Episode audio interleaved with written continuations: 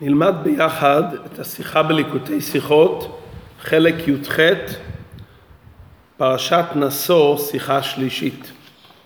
השיחה נאמרה סיום על מסכת נזיר בקשר עם סיום אמירת הקדיש של הרבי על פטירת אמו הרבנית חנה. בסיום מסכת נזיר מדובר על חנה אם שמואל. השיחה הזאת תראה לנו את הכוח של האימהות ונשי ישראל, את הכוח הרוחני שיש להם לפעול ואת ההמשך של הבנים. בפרשתנו פרשת, פרשת נשוא מדובר בנוגע לנזיר. האיסור של נזיר לשתות יין, תער לא יעבור על ראשו, אסור לו להסתפר, אסור לו להיטמע למתים.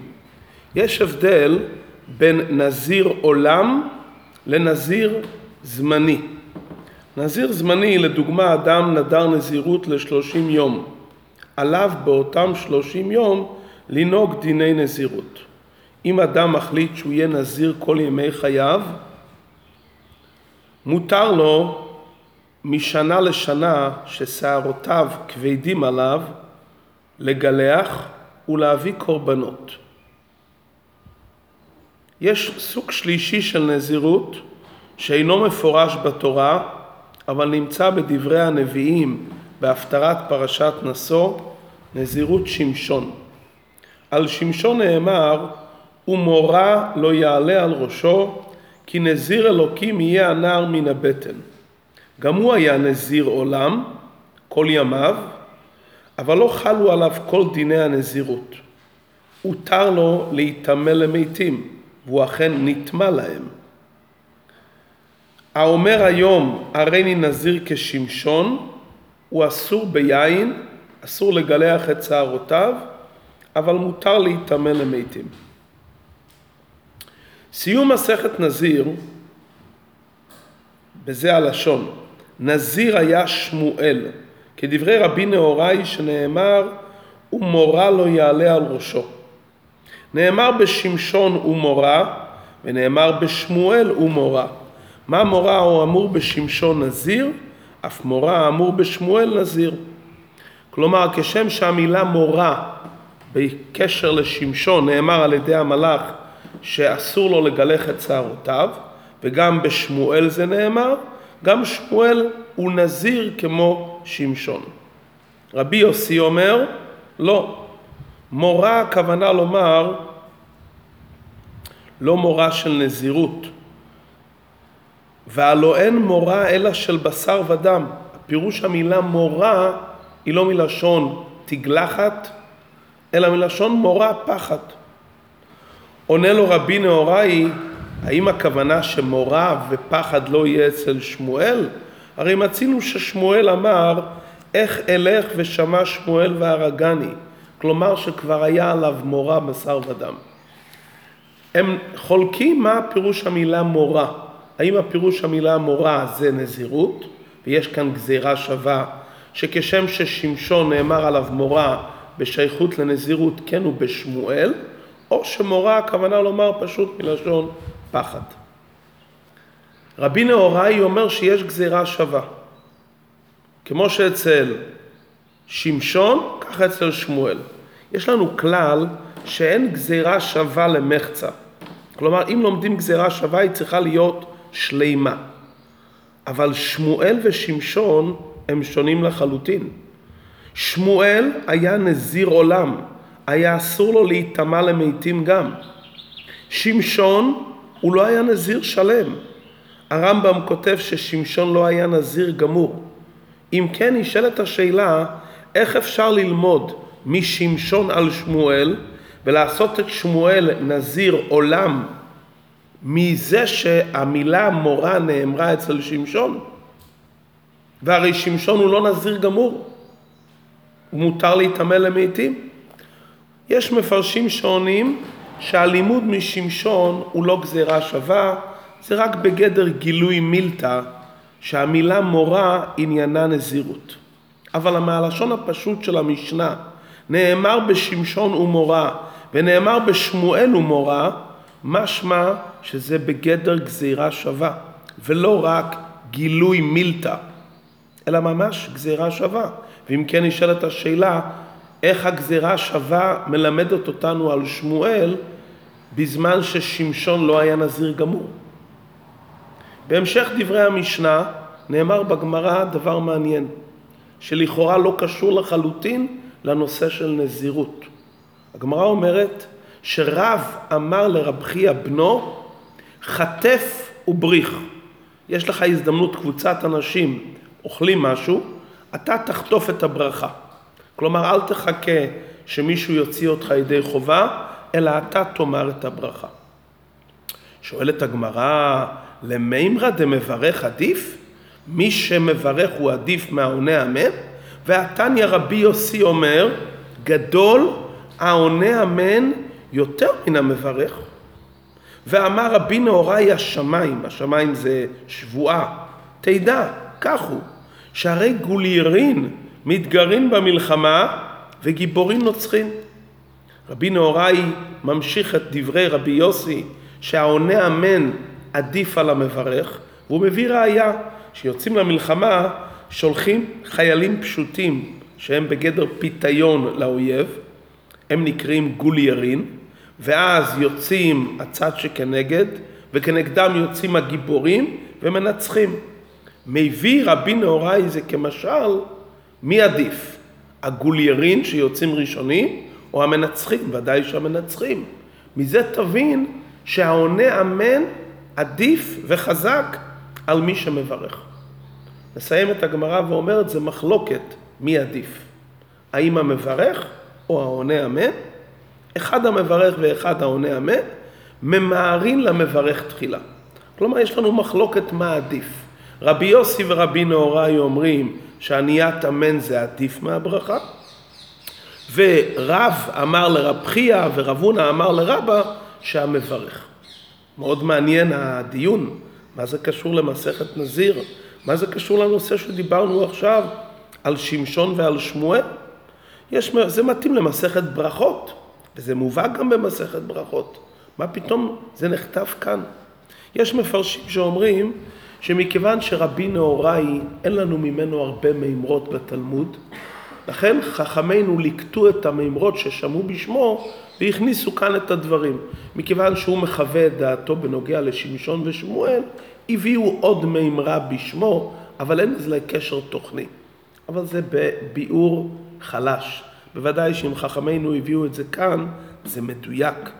ואם נאמר שזה משהו צדדי, הרי הסדר היה צריך להיות שיביאו מיד את רבי יוסי ורבי נהוראי. בהתחלה מביאים רב לרב חייא, ואחר כך מביאים את רבי יוסי ורבי נהוראי.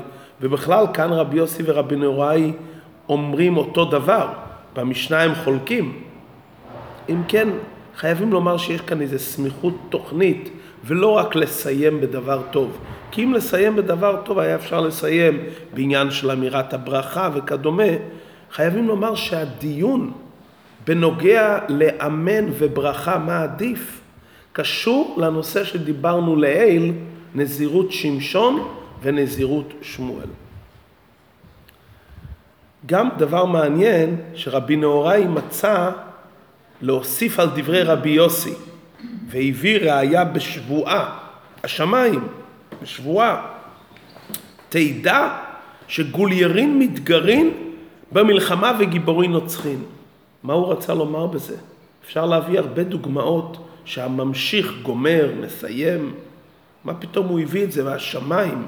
הוא בא לחזק את דברי רבי יוסי כאילו שלא הבנו את הדברים ומביא איזה ראייה ממלחמה. חייבים לומר שגם בזה יש איזה תוכן ורב נהוראי חייב להוסיף על דברי רבי יוסי. זה לא רק דוגמה של המחשה, כי להמחיש אפשר להביא ממקומות שונים. יש כאן בדוגמה הזאת תוספת על דברי רבי יוסי. רבי יוסי אומר, מי שעונה אמן יותר מהמברך. רבי נהוראי אומר, השמיים, תראה במלחמה איך שזה, הגוליירים יוצאים והגיבורים מנצחים. וסיום המסכת, אמר רבי אלעזר אמיר אמר רבי חנינא, תלמידי חכמים מרבים שלום בעולם. מה זה קשור לענייננו? חייבים לומר שיש קשר בין הדברים. כדי להבין את זה, ממשיך הרבי בסעיף A של השיחה בשאלה של הרד"ק ממפרשי התנ"ך, שאלה פשוטה ובולטת. איך שמואל נהיה נזיר? חנה אמו באה לבית המקדש ואמרה ונטעתיו לשם כל ימי חייו ומורה לא יעלה על ראשו. שמואל לא היה בעולם. נדר לא יכול לחול על מי שלא נמצא. ובכלל, חנה בתור אימא, גם אם שמואל היה בעולם, היא לא יכולה להחליט עליו. הדין הוא שיש הלכה למשה מסיני שהאיש, האבא, יכול להדיר את בנו בנזיר, ואין האישה מדרת את בנה בנזיר. אז ראשית כל הוא לא היה בעולם. ב' גם אם הוא היה, אין בכוחה. אולי נאמר שאלקנה נדר גם? למה זה לא מובא בפסוק? בפסוק לא מוזכר שאלקנה נדר דבר כזה. איך יכול להיות שדברי חנה נאמרים ודברי אלקנה שהוא האבא, אם תמצא לומר שהוא נדר לאחר לידת שמואל, לא מוזכר. אולי נאמר שחנה נדרה לאחר, נדרה, חנה נדרה ואלקנה קיים את הנדר, הבעל יכול לקיים את נדרי אשתו, עדיין זה לא מובן. כי היא נדרה את הנדר לפני ששמואל הגיע לעולם.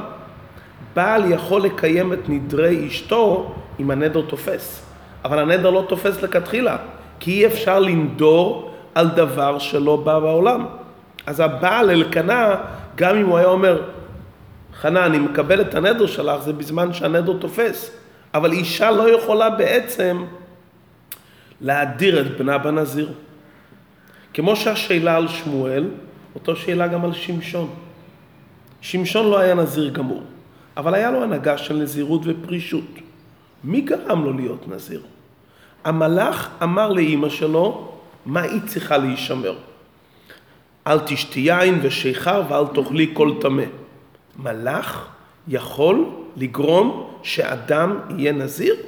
מלאך יכול למסור ציווי, מלאך יכול להמליץ על הנהגה, מלאך יכול לומר עתידות, אבל איפה מצינו בהלכה שיש כוח למלאך לקדש ולהכיל נזירות על בן אדם? תורה לא בשמיים.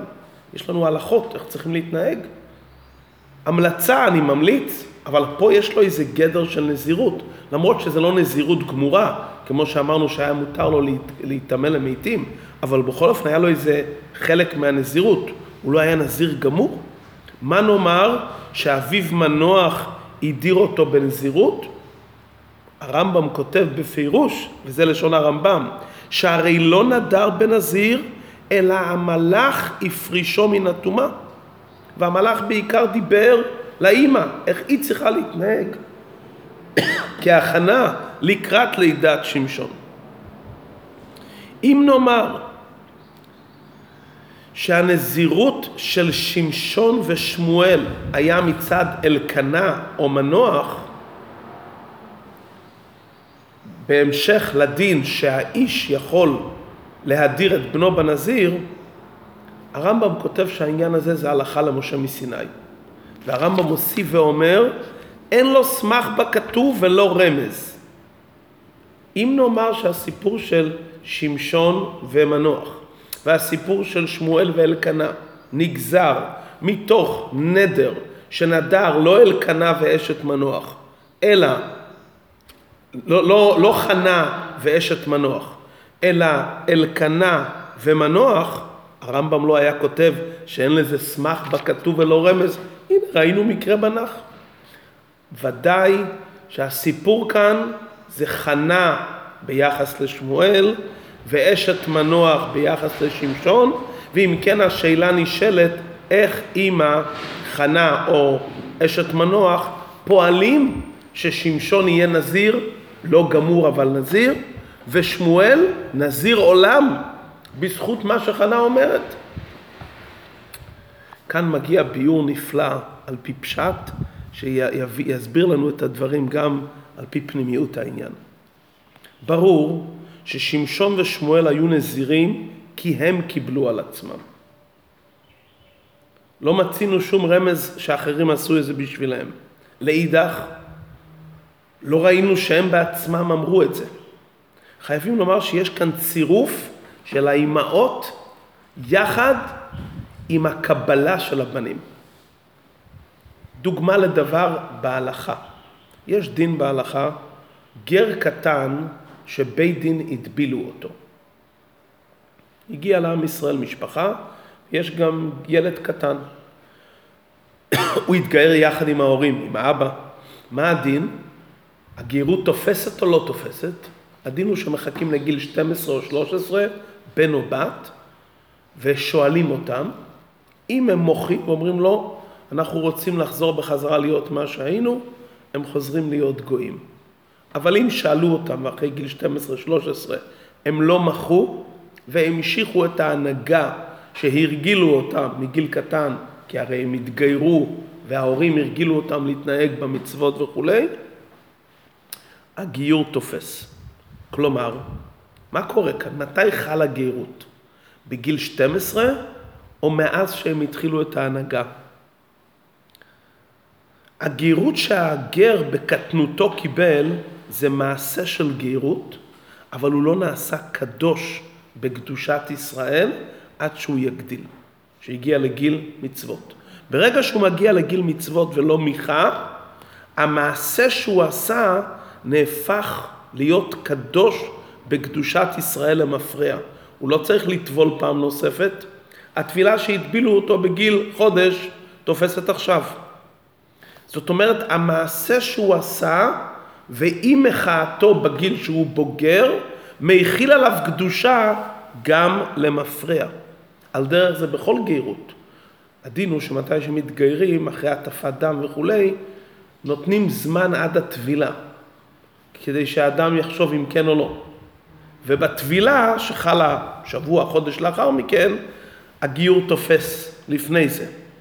גם כאן היה אותו עניין.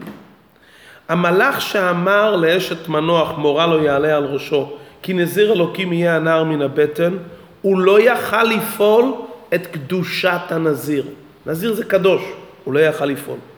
הוא ציווה שיתנהגו בהנהגה של נזירות. הנהגה מעשית, שלא יגלח ולא ישתה יין. חנה, אותו דבר. היא אמרה מורה לא יעלה על ראשו, היא נדרה שהיא תחנך אותו להתנהג בהנהגה של פרישות. ותו לא, לא קדושה של נזיר, הנהגה. אפילו לגבי הנהגת נזירות, החד, הנדר שלה לא היה יכול לחול על שמואל, כי שמואל הרי לא נדר, וחנה קיבלה על עצמה שהוא יתנהג. ברגע שהגיע שמשון ושמואל לגיל מצוות, והם לא מחו, הם המשיכו להתנהג באותו הנהגה של נזירות, פעל הדבר למפרע את הקדושה. בשמשון זה פעל שלא ישתה יין ואסור בתגלחת, מותר לו להיטמע למתים, כי זה מה שהיא לימדה אותו על פי דברי המלאך, ובשמואל ההנהגה שהוא המשיך לקבל את ההנהגה, הוא המשיך את ההנהגה, זה גרם לו להיות קדוש, נזיר, למפרע באופן מושלם. עכשיו נבין שהגזירה שווה היא ממש גזירה שווה. הגזירה שווה זה לא שמשון מול שמואל. הגזירה שווה זה לימוד לדעת שהיעדר מחאה על הנהגה שנהגת, התוכן מוסיף עניין של קדושה, מוסיף עניין איכותי. אנחנו שאלנו איך לומדים שמואל משמשון. הרי שמשון לא היה נזיר מוחלט, הוא היה מותר להיטמא למתים, ושמואל היה נזיר מוחלט. איך אתה לומד אחד מהשני? הלימוד הוא לא לפרטי הנזירות. הלימוד הוא לאותו נקודה שבשניהם אנחנו רואים מכנה משותף, שהיעדר מחאה של הילדים על הנהגה שהאימהות הנהיגו בהם, גורם למפרע עניין של קדושה אצל הילדים. זה פועל משהו חדש. הנהגה, תרגלת את הילד הנהגה בפועל, הלכתית זה לא תופס לעניין של קדושה, אבל בפועל הוא התנהג ככה, הוא הגדיל והוא קיבל על עצמו, אז לא רק שההנהגה נשארת, הוא נהיה פתאום קדוש עם כל המעלות המיוחדות שכתוב על נזיר. כלומר, היעדר המחאה פועל הוספה איכותית, הנהגה מביאה לעניין של קדושה. זה הגזירה שווה. זה הגזירה שווה. על פי זה נבין עכשיו את ההבדל בין רבי יוסי לרבי נהוראי. הרי רבי יוסי ורבי נהוראי חולקים בפירוש המילה מורה. האם הכוונה מורה בשר ודם או מורה מלשון נזירות. המחלוקת ביניהם קשורה עם אמן וברכה. מה זה אמן וברכה? מישהו מברך, לכאורה הוא מתחיל את העניין, הוא חוטף ואומר את הברכה, אז הוא המניע והוא המתחיל. לכאורה הוא העיקר. אומרת הגמרא למימרא דמברך עדיף, והתניא ראינו שמי שעונה אמן יש לו עדיפות. כלומר שההמשך שמסתמך על המברך פועל יותר מהמברך. בענייננו שמשון ושמואל למרות שזה התחיל מהאימא מה שהם קיבלו על עצמם את העניין פועל יותר מהנהגה שהם התנהגו ככה 12-13 שנה. כמו שמי שעונה אמן רק אחרי מי שמברך, גדול העונה אמן יותר מן המברך. ובזה עצמו יש כאן הבדל בין שמואל ושמשון, וזה מחלוקת בין רבי יוסי לרבי נהוראי. רבי יוסי אומר, הסכמה יכולה להוסיף תוקף לדבר שהיה מההתחלה. היא לא יכולה לפעול דבר חדש איכותי. היא יכולה לגרום שלימות באותו עניין שהסכימו. ולכן שמשון יכל לעשות נזיר על ידי היעדר המחאה שלו. למה? כי בפועל הוא התנהג ככה במשך זמן, והוא היה מוזר על ידי המלאך להתנהג בהנהגה של נזירות, וגם לאחר זה הוא לא נעשה נזיר גמור. כלומר, רבי יוסי אומר, קבלה של הבוגר יכול להביא איזה שלימות, אבל לא יכול להביא דבר חדש. רבי נהוראי אומר, הוא מוסיף ואומר לא. תראה מה שהיה אצל שמואל. שמואל נהיה נזיר עולם, לא רק נזיר למחצה, כי הרי נזיר, נזירות שמשון היא לא נזירות גמורה. כלומר שרבי נהוראי אומר שהסכמה יכולה לגרום תוקף איכותי יותר מאשר שלימות במה שכבר היה. ולכן שמואל נעשה נזיר על ידי היעדר המחאה שלו, למרות שלפני ההסכמה שלו לא חל עליו שום חיוב. החיוב היה על חנה, חנה נדרה, ושמואל נהיה סוף כל סוף נזיר עולם. תראה כמה בכוח של הסכמה שאתה מקבל על עצמך בהמשך למה שהתחילו, שאתה יכול להיות יותר באופן איכותי ממה שמי שהתחיל. כמו בעניית המן, מה אומר רבי יוסי ומה אומר רבי נהוראי.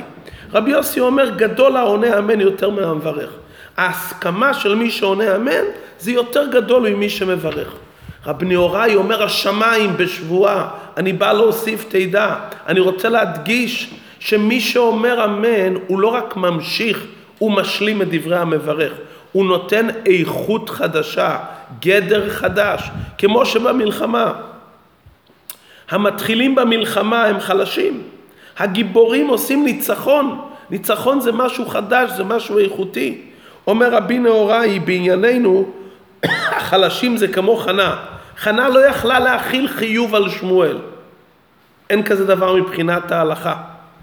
מתי היה הניצחון? ברגע שכמו שהעונה אמן מסכים על התחלת הדבר, ואז הוא נהפך לגיבור. לא רק שהוא פועל הוספה, הוא, נוצא, הוא מנצח, גם אצל שמואל, מה שהוא הסכים בלב שלם למה שחנה הנהיגה, הוא נהיה נזיר עולם, דבר מחודש לחלוטין, לא רק משהו זמני כהסכמה בהמשך לדברי המלאך שהמליץ ואמר, אלא כאן נהיה מציאות חדשה לגמרי.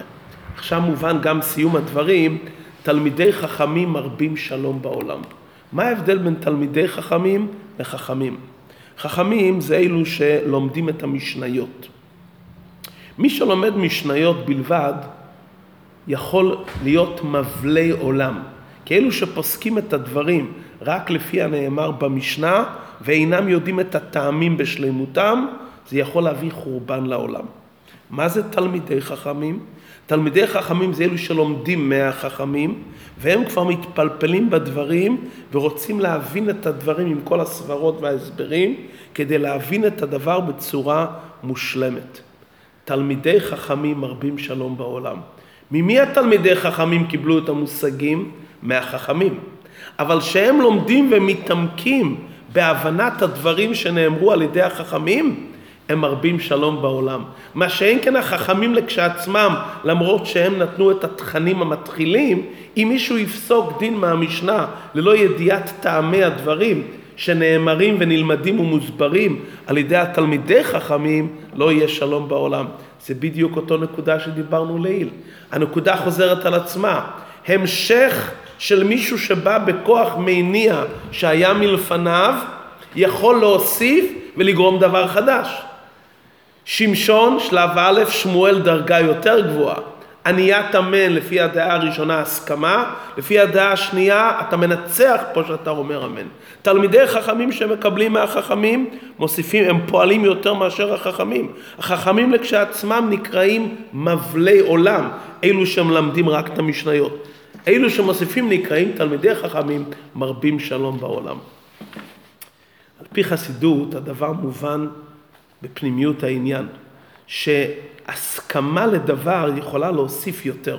זה קשור עם כל העניין של דברי סופרים. ידוע שחביבים דברי סופרים יותר מדברי תורה. הרי הדברי סופרים מסתמכים על הדברי תורה, ובכל אופן בדברי סופרים יש חביבות מיוחדת. כל המושג של נזירות זה לא דבר שהתורה אמרה לאדם. איש כי יפלין לנדור, הוא מחליט, ושהוא מחליט מעצמו להוסיף על מה שהתורה אמרה, אין חיוב להיות נזיר, הוא מביא תוספת קדושה בעולם. בחסידות מובא שהנזיר ממשיך בתוך סדר השתלשלות, דבר שהוא מעל סדר השתלשלות. לכן דווקא בנזיר מובא כל הנקודה הזאת של עניית אמן ביחס למברך, כדי להסביר לנו עד כמה חשוב עבודת המטה. אלו שממשיכים את מה שקיבלו בצורה נכונה, הם יכולים להוסיף עוד יותר מהמשפיע שהתחיל את עיקר הדבר. וזה בעצם הדיון בעונה אמן ביחס למברך. המברך ממשיך השפעה. מבואר בחסידות שאמירת הברכה זה גורם המשכה מלמעלה שנקרא איחודה הילאה. הוא הופך גורם מעלת האיתפחה, הוא מגלה אור גדול, המברך. מי שעונה אמן הוא מסכים. זה אדם שלא חי את העניין של הברכה, אבל הוא מסכים. זה על דרך מה שלמדנו בחסידות, המעלה של איתקפיה מול איתפחה. זה שמברך מואר, לכן הוא מברך. זה שעונה אמן, כביכול הוא לא אוחז באמירת הברכה, ובכל זאת הוא מסכים לדברים. מי שכופה את עצמו, למרות שהוא לא נמצא בתוך העניין, כמו שלמדנו בתניא, בינוני מול צדיק, גדול העונה אמן יותר מן המברך. איחודת התאה, אני לא מרגיש, לא מואר אצלי העניין, אבל אני עושה זה כי צריך לעשות. יש מעלה בהתקפיה מעל התהפכה. בזה עצמו יש שני דרגות, כמו שזה בזמן הזה וכמו שיהיה לעתיד לבוא. היום יש מעלה בהתקפיה, אבל זה לא תכלית השלמות. תכלית השלמות זה להיות בהתהפכה, שאתה לבד תאמר את הברכה, לא שתסכים על מי שאומר את הברכה. המעלה השנייה, שיהיה התקפיה והתהפכה ביחד, זה יהיה לעתיד לבוא בזמן הגאולה. יתגלה המעלה של המטה שלנו, אנחנו נברר את עצמנו שאנחנו נסכים, אבל לא רק שנסכים, שאנחנו נרצה את זה, כמעלת הגוף ביחס לנשמה. האיתפחה שתבוא מצד הגוף והגוף רוצה. ולכן לעתיד לבוא כתוב שהנשמה תהיה ניזונת מן הגוף. כלומר, יתגלה המעלה של איתקפיה לא רק כהסכמה גרידא. הגוף יסכים וירצה. יהיה פה את המעלה של איתקפיה ואיתפחה בגוף. בענייננו הנשמה זה הברכה והגוף זה עניית האמן. ולעתיד לבוא הגוף יענה אמן לא כהסכמה, כרצון טוב, עד כדי כך שהנשמה תהיה ניזונת מן הגוף. וזה שתי הדעות של רבי יוסי ורבי נהוראי. רבי יוסי בגימטרי השם אלוקים, בגימטרי הטבע. אומר רבי יוסי, גדול העונה אמן יותר מן המברך. שמשון, על ידי היעדר המחאה שלו, הוסיף קדושה. יש מעלה בהתקפיה ביחס למברך. אבל יוסי זה שם בלשון הקודש. הוא אומר, אחרי הכל, מי שנמצא בהתהפכה, זה דרגה יותר גבוהה. לכן רבי יוסי אומר, המעלה הזאתי של להיות בהתקפיה, זה לא באין ארוך למי שמברך. מי שנמצא בייחוד ההילאה בהתהפכה, זה מעלה יותר גבוהה. ולכן שמשון לא היה נזיר גמור, כי יש מעלה בהתהפכה שהם בהתקפיה. רבי נהוראי זה שם לא בלשון הקודש. זה איך שהתורה ירדה לשבעים לשון. והוא אומר רבי נהוראי, הפירוש של השם שלי זה אור. אנחנו נהפוך את עולם הזה, שגם אלו שעומדים בהתקפיה, בסוף יענו אמן בלב שלם. כלומר, גם מצד התרגום, זה מה שיהיה מעלת העונה אמן כמו שתהיה לעתיד לבוא, שהעונה אמן הוא יהיה באין ארוך מהמברך. כי זה לא רק התקפיה, המקבל מרצון טוב יגיע להתהפכה, השמיים נוצחים. לעתיד לבוא יתגלה המעלה של עבודת הבירורים, שאנחנו מבררים את ענייני העולם שקשורים עם שבעים האומות, ועושים את זה בשמחה, שעבודת המטה בסוף תביא לגילוי אור נאוראי, זה המעלה של התקפיה והתהפכה. התהפכה שבאה על ידי התקפיה, זה לא רק ייחודת התאה, אני לא רוצה ואני מייחד את שם השם, אלא החיבור של ייחודת התאה יחד עם ייחודה הילאה.